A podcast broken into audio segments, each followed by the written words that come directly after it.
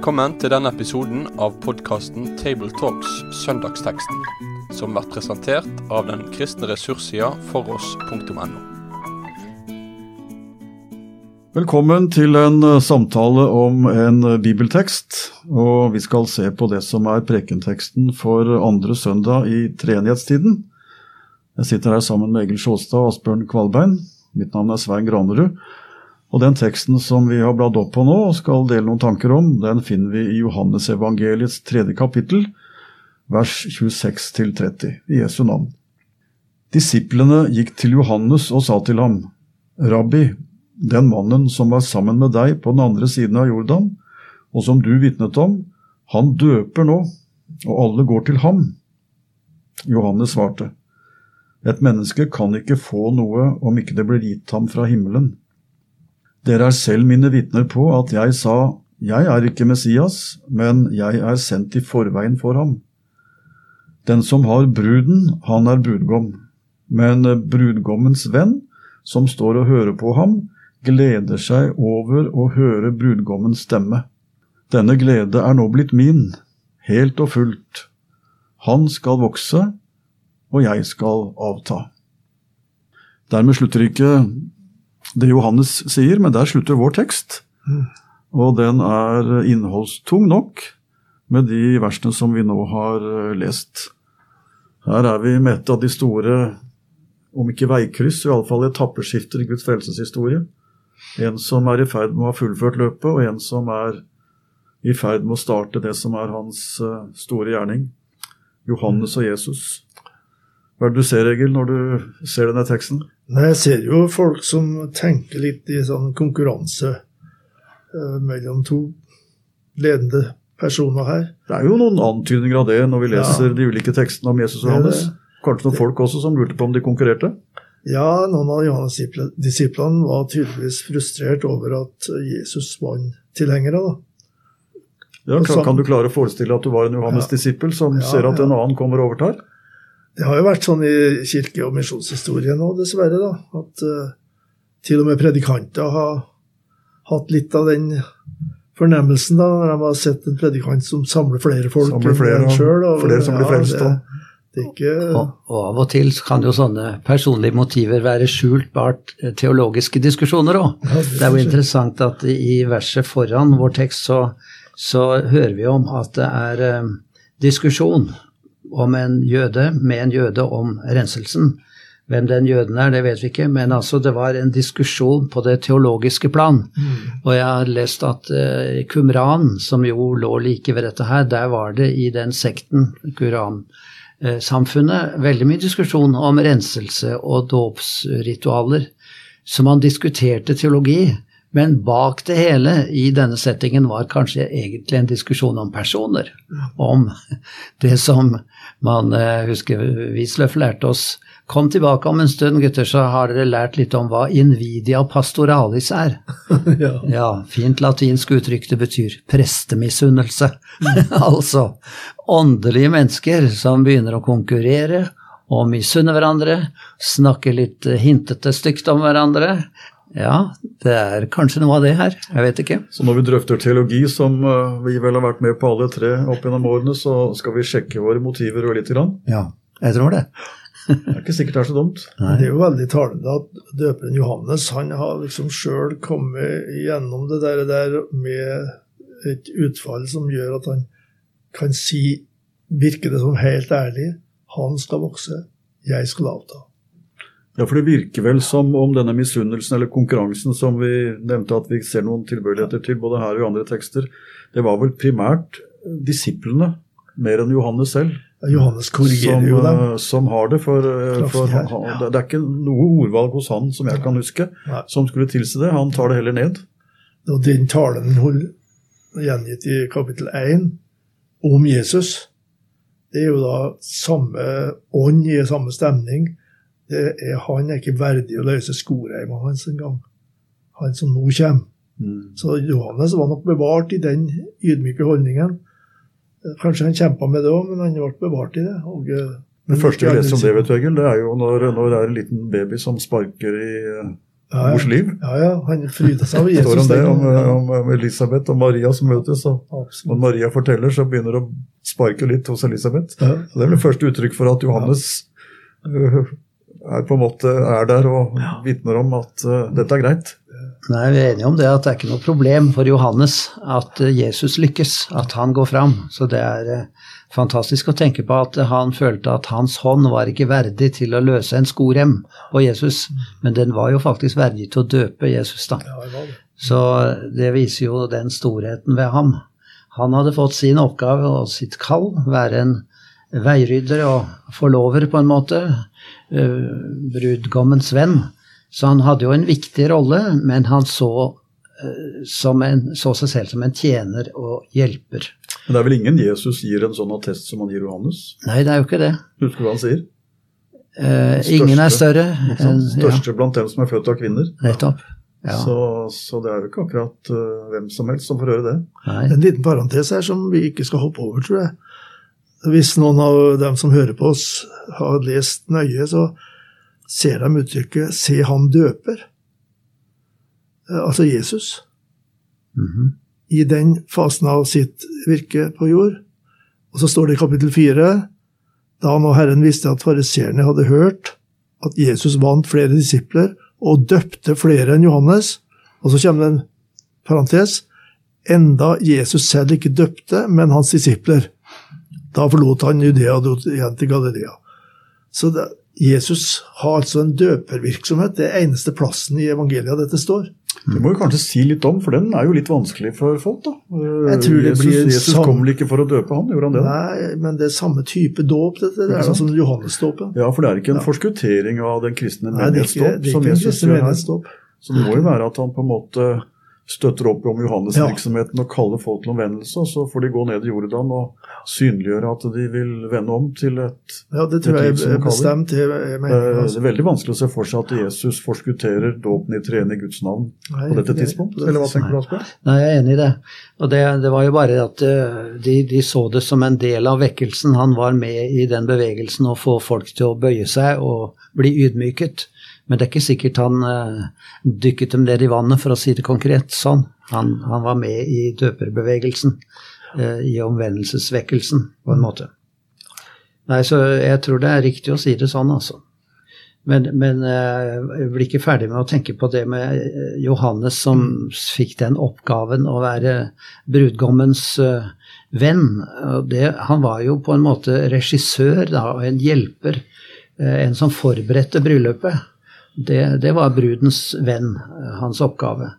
Og dermed så så jo Johannes seg som en, en tjener igjen. Og det skal også vi gjøre. Vi skal aldri konkurrere med Jesus, og vi skal aldri prøve å konkurrere med hans venner og medarbeidere heller. For vi har hver vår oppgave, og mennesker kan se stort eller smått på det, så er eh, det stort i Guds øyne når vi, når vi gjør det i Jesu navn. Den store gleden her er jo da for Johannes at de faktisk kom til Jesus som om det var en brud som ble ført opp til alteret der brudgommen sto. Og forloveren var der og så det, og merker gleden ved at nå kommer mennesker til Jesus. Nå, blir, nå skjer det et bryllup her, altså. Det er jo i hvert fall flott å se også at, at Johannes han på en måte foregriper den billedbruken som Jesus bruker mye. Vi har den også i Gammeltestamentet, men Jesus Ja, ja. bruker den i flere av lignelsene sine. Ja. Om, om bryllupsfesten og gjøre klart til bryllup og alt det der. Så det er jo et bilde både på saligheten, men også et bilde på, på det å høre med i den forsamling som, eh, som brudgommen kommer til. Ja, Så bilde- Johannes foregriper jo den her, da. Ja da, Det er et bilde på forholdet menigheten og Jesus. da. Det har vært en eh, stor debatt gjennom kirkehistorien om, om det går an å si at den enkelte kristne er Jesu brud, eller menigheten er Jesu brud. Det er egentlig ingen motsetning her. Det kan bli litt kunstig debatt, kan det ikke Ja, det kan det. Fanny Crosby skriver jo i sangen vi ofte synger. Han er min brudgom, jeg er hans brud. Sånn opplever en kristen det. Mm. Men samtidig er du sammen med en flokk som da Jesus sa i anførsel gifta seg med. Ja. Eller som han skal gifte seg med i himmelen. Alt dette. Det er sikkert krefter på begge sider av veien der også, at du kan individualisere sånn at du Ja. ikke ser det som en del av uh, den store søskenflokken. Men samtidig også kan du selvfølgelig også tenke så kollektivt om kirke og menighet at den enkelte forsvinner, Mm. og du bare er en del av noe stort og grått. Så jeg vil vel si at på det beste så skal vi ha begge de fokusene. Både det individuelle, nærheten til Jesus, jeg som en del av fellesskapet, og samtidig også se helheten som hører med. Jeg tror ikke det er noe motsetning mellom det, rett forstått. Nei da, og det med Jeg vender tilbake til dette med gleden. Det, det er jo oversatt i Bibel 11, 2011 at jeg, jeg gleder seg stort. Altså brudgommens venn gleder seg stort. Det står det ikke i andre oversettelser. Det er vel fordi at her er brukt et sterkt uttrykk for glede, og det viser igjen Johannes' lykke over å få være en tjener for Jesus, og det bygger opp til dette flotte som han sier, at eh, denne gleden er min, helt og fullt, og han skal vokse, jeg skal minke, jeg skal avta. Så um, her er igjen et veldig innspill også til oss som eh, tenker på har jeg høyere rang enn den og den? Eh, Dette er et tema som også Paulus tar opp i 1. Korinter 4, vers 7. Hvem gir deg rang framfor andre? Nei, ingen skal være håmodige. Ingen skal ta parti. Her er Paulus, her er Apollos, her er mange tjenere. Men vi er like for Jesus, for vi er tjenere for ham. Han skal vokse. Og det er vårt mål å få tegne ham stor og praktfull. Det er vel noe av den samme grunnen til at Jesus i avskjeden med disiplene lenger ute i evangeliene vasker deres føtter. Så noe av det siste han synliggjør for dem, for at de skal få se hva det er å være store i hans eh, etterfølgelse. Det er å være tjener. Så det kan vi ikke tale nok om. Jeg kom på en ting her som jeg av og til gjør når vi sitter og prater. At eh, den utvelgelseslæren som vi ofte diskuterer, da, og som er tankekors Hvordan tenker vi om, om, om det å bli utvalgt av Jesus? Men det mye løser seg ved å tenke sånn at her har Jesus valgt seg ut en brud. Og han velger gjennom evangeliet. altså Han tar oss inn til seg og tilgir oss og gjør oss til sine. Så vi er Jesu brud. Eh, Jeg er Jesu utvalgte. Jeg kan våge å si det fra Preikestolen at jeg er utvalgt av Jesus. I det lyset av dette her. Ja, det er vel det som er den lutherske tradisjonen også, å legge til rette dette med utvelgelsen. Ja, Noen vet sikkert at dette var det harde dragkamper om, ikke minst på reformasjonstiden. og Calvin og reformerte tenkte til dels annerledes om det. Men Luther var jo primært opptatt av at utvelgelse skjedde gjennom evangeliet. Mm. Det er ikke en individuell rangordning som Gud fra evighet gjør, men i Kristus er vi utvalgt. Det skriver også Feserbrev bl.a. Før verdens grunnvoll ble lagt.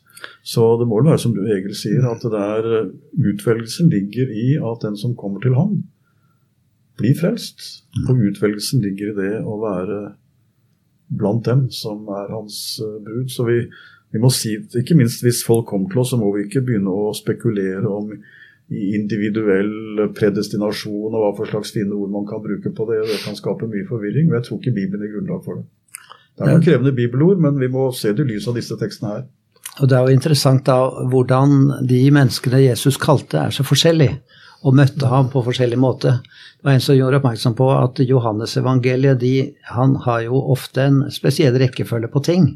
Og hvis du tenker på de store møter med Jesus eh, som innrammer denne teksten, så er jo det eh, i forkant her. Det er Nikodemus som kommer om natten, og han kommer til Jesus med sine forutsetninger, og han kan ikke si er så veldig ydmyk i utgangspunktet, men likevel så uforståelig i forhold til Jesus. Skjønner ham ikke, og Jesus må lære ham de enkleste ting. Eh, Og en blir litt i tvil. Nikodemus, ble du ydmyk nok? Ble du frelst? Men det er jo Historien viser at han ble frelst, og han ble en etterfølger. Men så har du etter denne beretningen i kapittel fire hos Johannes, så møter vi jo den samaritanske kvinne som Jesus tar seg av. Og det er noe av, eh, skal vi si, bånd i samfunnet. Eh, Ingen ville ha med henne å gjøre, og hun hadde ikke store tanker om seg selv. Men så ble det en vekst i erkjennelse, og hun så seg som en synder, og vitnet om at hun som en synder kunne ha med Jesus å gjøre, at Jesus ville anerkjenne henne og gjøre henne til sitt barn. Så jeg tenker på ydmykheten blir illustrert eh, i beretningen før og etter her, fortellingene om menneskemøter. Og vi ser det er Jesus som blir stor gjennom disse to utvelgelsesscenene med Nikodemus og den samaritanske kvinnen. Det er jo veldig festlig da, altså å se at uh, i to påfølgende kapittel så er det Nikodemus, rådsherren, den lærde, høystatusmann, og så i neste omgang hun som ikke orket å gå sammen med de andre kvinnene til brønnen en gang, som, mm. som, som, står som eksempler på noen som får møte Jesus og lytte, slik at de får se seg selv i et nytt lys. Det, det innbyr jo til virkelig å preke om uh, hvordan Jesus møter oss uh, der vi er, og som de ulike typene vi også er. Jeg har vært fascinert av den teksten her som vi har for oss nå lenge. Uh, for døperen Johannes-skikkelsen, den, den, er helt unik, altså syns jeg jeg har et uh, maleri på kontoret her, med hjemmekontoret, som vi sier nå. Som er ja, bildet av Mathias Grünewalds skildring av Jesus på korset. Der han er død og fingrene er stive. Og det har skjedd, altså. Og så er døperen Johannes plassert på Golgata. En kunstner har en sånn frihet, selv om døperen allerede var død så er han plassert på Golgata fordi at budskapet hans er plassert på Golgata. Og så ser vi døperen peke på Jesus med fingeren sin, og ved døperens føtter så er det et lam, og så har han Det gamle testamentet over sin venstre hånd. Så er budskapet i, i det kunstverket av Grünewald at døperen Johannes vitna om Jesus som Guds lam. Og det han da i kapittel 1 her, Johannes sa 'Se der Guds lam som bærer verdens synd'. Han er Guds sønn, han er Guds lam. Det kommer så veldig til uttrykk i dette kunstverket. Det er, jeg har alltid likt å preke over døperen Johannes. altså. Du er vel ikke helt alene om det, vil jeg tro. Det, det er veldig mye evangelium knyttet til det. Det er jo det. Også fordi Johannes har jo, døperen har jo dette utsagnet som mer enn noe annet har blitt klistret til ham. Mm. Se der Guds lam som, som bærer verdens synd. Det er på en måte hans budskap i essens. Så det er ikke underlig at, at, han for mange har blitt på en måte en slags øyenåpner. og Det var vel derfor han, kom. Det er vel hele funksjonen hans å være nettopp det. da. Men, men, vi er også en sånn veiskille i frelseshistorien Asbjørn, mellom Det gamle testamentet og gamle pakts tid.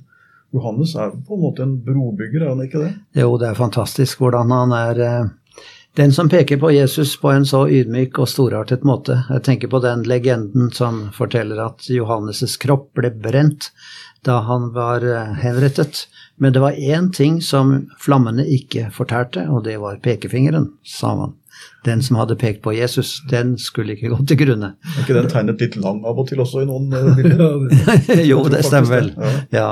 Nei, altså, det er mange måter å illustrere dette på, men det er jo også et uh, fint trekk uh, som vi kan peke på. Det er ydmykheten som en verdi uh, som ikke blir forstått rett i dag, og ikke blir brukt rett. Altså, man tenker gjerne at ydmykhet, det er et menneske som har gitt opp seg selv, og som ikke er noe, liksom. Uh, og en kan si Johannes var liksom toppen av ydmykhet, men han var jo ikke selvutslettende som person. Han uh, regnet seg som brudgommens venn, og dermed den ansvarlige energi, skal vi si, administrator for bryllupet, så han hadde en viktig posisjon, men han var ydmyk. Og et menneske som er ydmykt og overgir seg selv, er Guds ennå uprøvde mulighet i verden, er det en som har sagt. Altså et, Jeg må si en gang til. Asbjørn. Ja, et menneske som er ydmykt og har overgitt seg selv, er Guds ennå uprøvde mulighet i verden. Det er mm. biskop Georg S. Geil som har sagt det sånn. Den får vi huske. ja, altså det er uh, muligheter for Gud, uh, det å ha med ydmyke mennesker å gjøre. Så um, den som er sant ydmyk, trenger aldri å bli satt på plass. Den er alltid på plass. Johannes trengte ikke å bli satt på plass. Han, var, han hadde en tvilsperiode, men det er de som mener at det var ikke så mye tvil. Han ville heller at disiplene hans skulle bli overbevist. Men uh, de fleste vil vel si at da han satt i fengsel, så ble han noe mismodig og lurte på er du den som skal komme. Det er en ærlig sak, og det har ikke noe med ydmykhet eller stolthet å gjøre. Eh, men ellers så har han en gjennomført ydmykhet som gjør at han er en fantastisk brobygger mellom GT og NT, og viser til en ekte gudsfrykt. Hva er det Herren ønsker av deg, er det sagt i en profet. Det er at du vandrer ydmykt med din Gud. Det er en nøkkel. Tror du det er hans ydmykhet, Egil, som gjør at han i gitte situasjoner også står fram som en svovelpredikant og taler dem til rette som de ormeyngler de er, og som trenger å omvende seg, for ellers så går det galt med dem? Ja, det For eh, er, er det en sammenheng mellom den Johannes som vi også møter, og den ydmykheten som Asbjørn med all rett peker på? Ja, det du sier der, det er absolutt en dimensjon ved ydmykhet i en kristen kontekst. Fordi at det er ydmykhet for Guds bud, ydmykhet for Guds ord, og det er frimodighet til å gå den vei som Gud har peka ut for en, som forkynner, sjøl om det er upopulært. Det er egentlig en form for ydmykhet. Ja, for Respekten vi har kanskje fornemmet, vi som har levd noen år, at eh, det kan være litt forskjell på hvordan du aner eh, den myndige preken, Ja. om den kommer fra en som ønsker å vise hvor klartalende og sterk man er, Mm. eller om det kommer fra en ydmyk lydhørhet. Man kan ikke la være å si det, for dette har Guds ord bedt meg si. Ja. Jeg, jeg tror ikke jeg for min del får i hvert fall be om det, at jeg ikke taler den delen av budskapet uten at jeg selv har vært ydmyk framfor Gud først. For Ellers kan det bli fort Svein som viser at nå nå tar han litt i. Johannes han, han var preget av, tror jeg, at han ga et budskap som han hadde fått. Og Da tror jeg ydmykhet nettopp er hemmeligheten også bak hans sterke ord. Absolutt. Det er interessant å se i de første preikene i apostelens gjerninger at døperen nevnes. Så han, hans ø, omtalen av døperen hørte med når de, når de sto fram og vitna om Jesus. For det var en så viktig del av frelseshistorien. Peter sier i Kornelius' hus at det kjenner dere dette ordet som er gått ut over hele Judea. Det hadde sin begynnelse fra Galilea etter den dåp som Johannes forkynte, og taler om at Gud salvet Jesus osv. Så, videre. så døperen Johannes er en del av sjølve budskapet vi skal forkynne. Det er viktig. Og så er det viktig at vi, når jeg snakker om ydmykhet, at vi ikke bare psykologiserer det som en indre holdning, men det har også med vår teologi og vårt menneskesyn å gjøre. Og jeg tenker på linjen da fra døperen Johannes til Paulus, som sa det at å leve, det er for meg Kristus, og døden en vinning. Og da det, kan det nesten ikke sies sterkere enn at Kristus er stor og skal bli større, og døden, altså alt ved meg som er forgjengelig og på vei ned, det er bare en fordel at det blir borte, for da vinner jeg Kristus. Og det er jo også en ydmykhet som er eh, et livssyn, på en måte, mer enn en, en psykologi. Ja, du tenkte på salme, da? Ja, det er jo Svein? din oppgave. Du er salmist blant oss. Nå får vi høre hvilken salme du har valgt ut nå. Nei, du, Vi hadde jo en, eh, tidligere en sånn gjennomgåelse og en tekst der jeg eh, viste til salmen Hauge brukte på åkeren. Jesus, din søte forening og smake. Så Den sammenfatter egentlig det der eh, bildet med brud-brudgom. Så det var kanskje en mulighet. Eller, eller Fanny Crosbys salige visshet, der vi har 'Han er min brudgom, jeg er hans brud'. Så da tar en ut det motivet i teksten som er så sentralt, og gjør det til hovedsak. Det var én måte å tenke på. Og hvis det er noen av våre lyttere som eh, skal preke på denne dagen, så er vi jo tross alt også i Hauges jubileumsår. Ja, det var det. Og uten å sammenligne Hauge og Johannes altfor tett, så er det klart at vi finner også hos Hans Nilsen Hauge noe av det vi er ute Ja, vi snakker om her. Mm. En som fikk et kall, og som, eh, som gikk på det, og som hadde både ydmykheten og samtidig frimodigheten.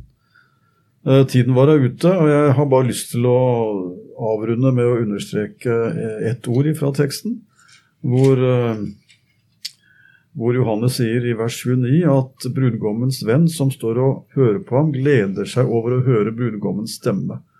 Og da har jeg lyst til å si til meg og alle som skal preke, og enhver som ønsker å være på den plass hos Jesus som Johannes ønsker å være, jeg må høre brudgommens stemme. Å høre der er ikke bare at du hører den en gang, men flere ganger så står det i det som heter durativ form. Du må lytte til den, altså jevnlig høre på den røsten. Det, det kjennetegner ikke bare døperen, men det kjennetegner enhver kristen som eh, er på rett plass. Du hører mye på brudgommens røst. Så det får vi ønske hverandre til lykke til med både å lytte til den røsten og dele det med andre, det som vi da får høre. Amen. Takk for nå. Med det sier vi takk for følget for denne gang. Finn flere ressurser, og vær gjerne med å støtte oss på foross.no.